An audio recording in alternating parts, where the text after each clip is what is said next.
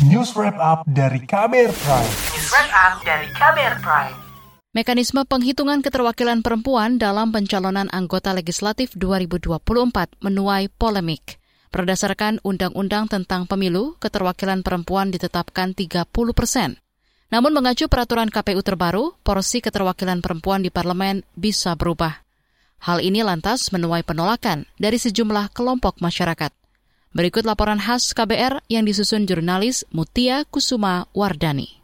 Komisi Pemilihan Umum KPU menerbitkan peraturan tentang pencalonan anggota DPR, DPRD Provinsi, dan DPRD Kabupaten Kota yang mengatur pembulatan ke bawah jika hasil perhitungan 30 persen dari jumlah alokasi kursi perempuan menghasilkan angka desimal kurang dari 0,5.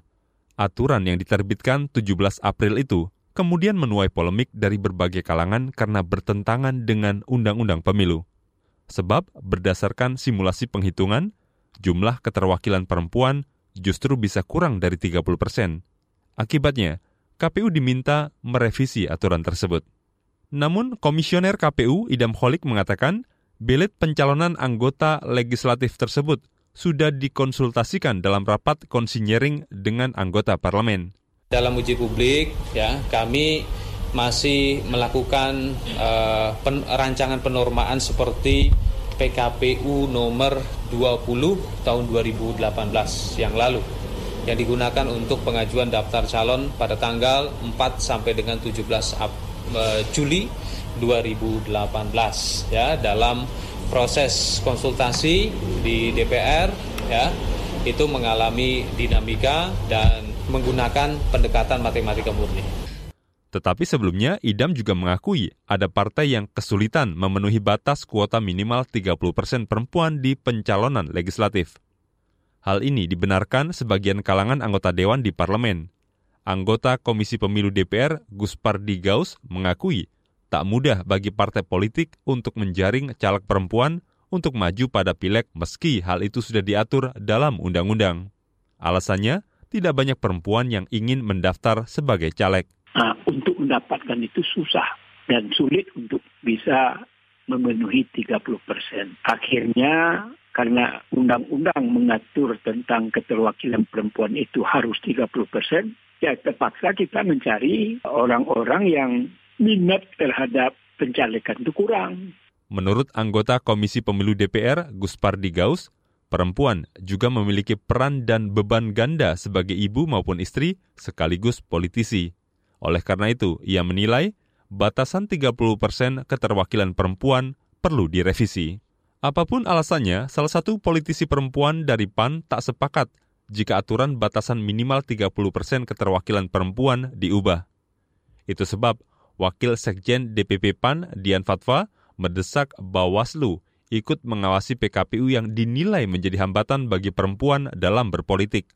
Menurutnya, PKPU itu tidak berkeadilan dan menghambat kesempatan perempuan untuk berpartisipasi dalam proses politik. Keterwakilan kita 30 persen adalah pintu gerbang kami menyuarakan voice to voice, menyuarakan suara-suara perempuan.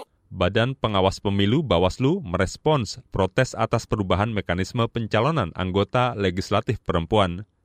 Sebab menurut kajian Bawaslu, salah satu kerawanan pada pemilu 2024 adalah tentang pemenuhan hak memilih dan dipilih, terutama dari kelompok perempuan dan rentan. Padahal, dalam Undang-Undang tentang Pemilu disebutkan, partai politik diwajibkan memenuhi 30 persen keterwakilan perempuan dalam pencalonan legislatif. Anggota Bawaslu Loli Suhenti mengaku telah mengagendakan pertemuan tripartit antara Lembaga Pengawas Pemilu, KPU, dan Dewan Kehormatan Penyelenggara Pemilu DKPP untuk membahas persoalan ini. Agenda pertemuan tersebut diharapkan dapat menemukan solusi agar PKPU nomor 10 tahun 2023 itu mengatur hak khusus sementara tanpa mengganggu tahapan pemilu. Namun, masyarakat peduli keterwakilan perempuan mengancam akan menempuh sejumlah upaya hukum untuk memulihkan hak politik perempuan dalam kompetisi pemilu 2024 ke DKPP dan Mahkamah Agung atau MA. Perwakilan Masyarakat Peduli Keterwakilan Perempuan Valentina Sagala mengatakan, Hal itu dilakukan jika dalam 2 kali 24 jam sejak pernyataan dikeluarkan, Bawaslu tidak mengeluarkan surat rekomendasi kepada KPU untuk mencabut pasal bermasalah dalam PKPU tersebut. Secara nyata bertentangan dengan pasal 245 Undang-Undang 7 tahun 2017 tentang pemilihan umum.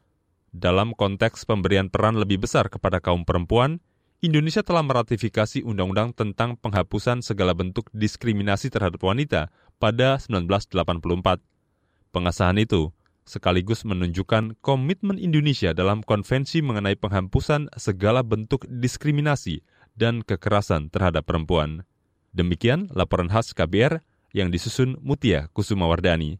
Saya, Sindu Darmawan. Kamu baru saja mendengarkan news wrap up dari KBR Prime. Dengarkan terus kbrprime.id, podcast for curious minds.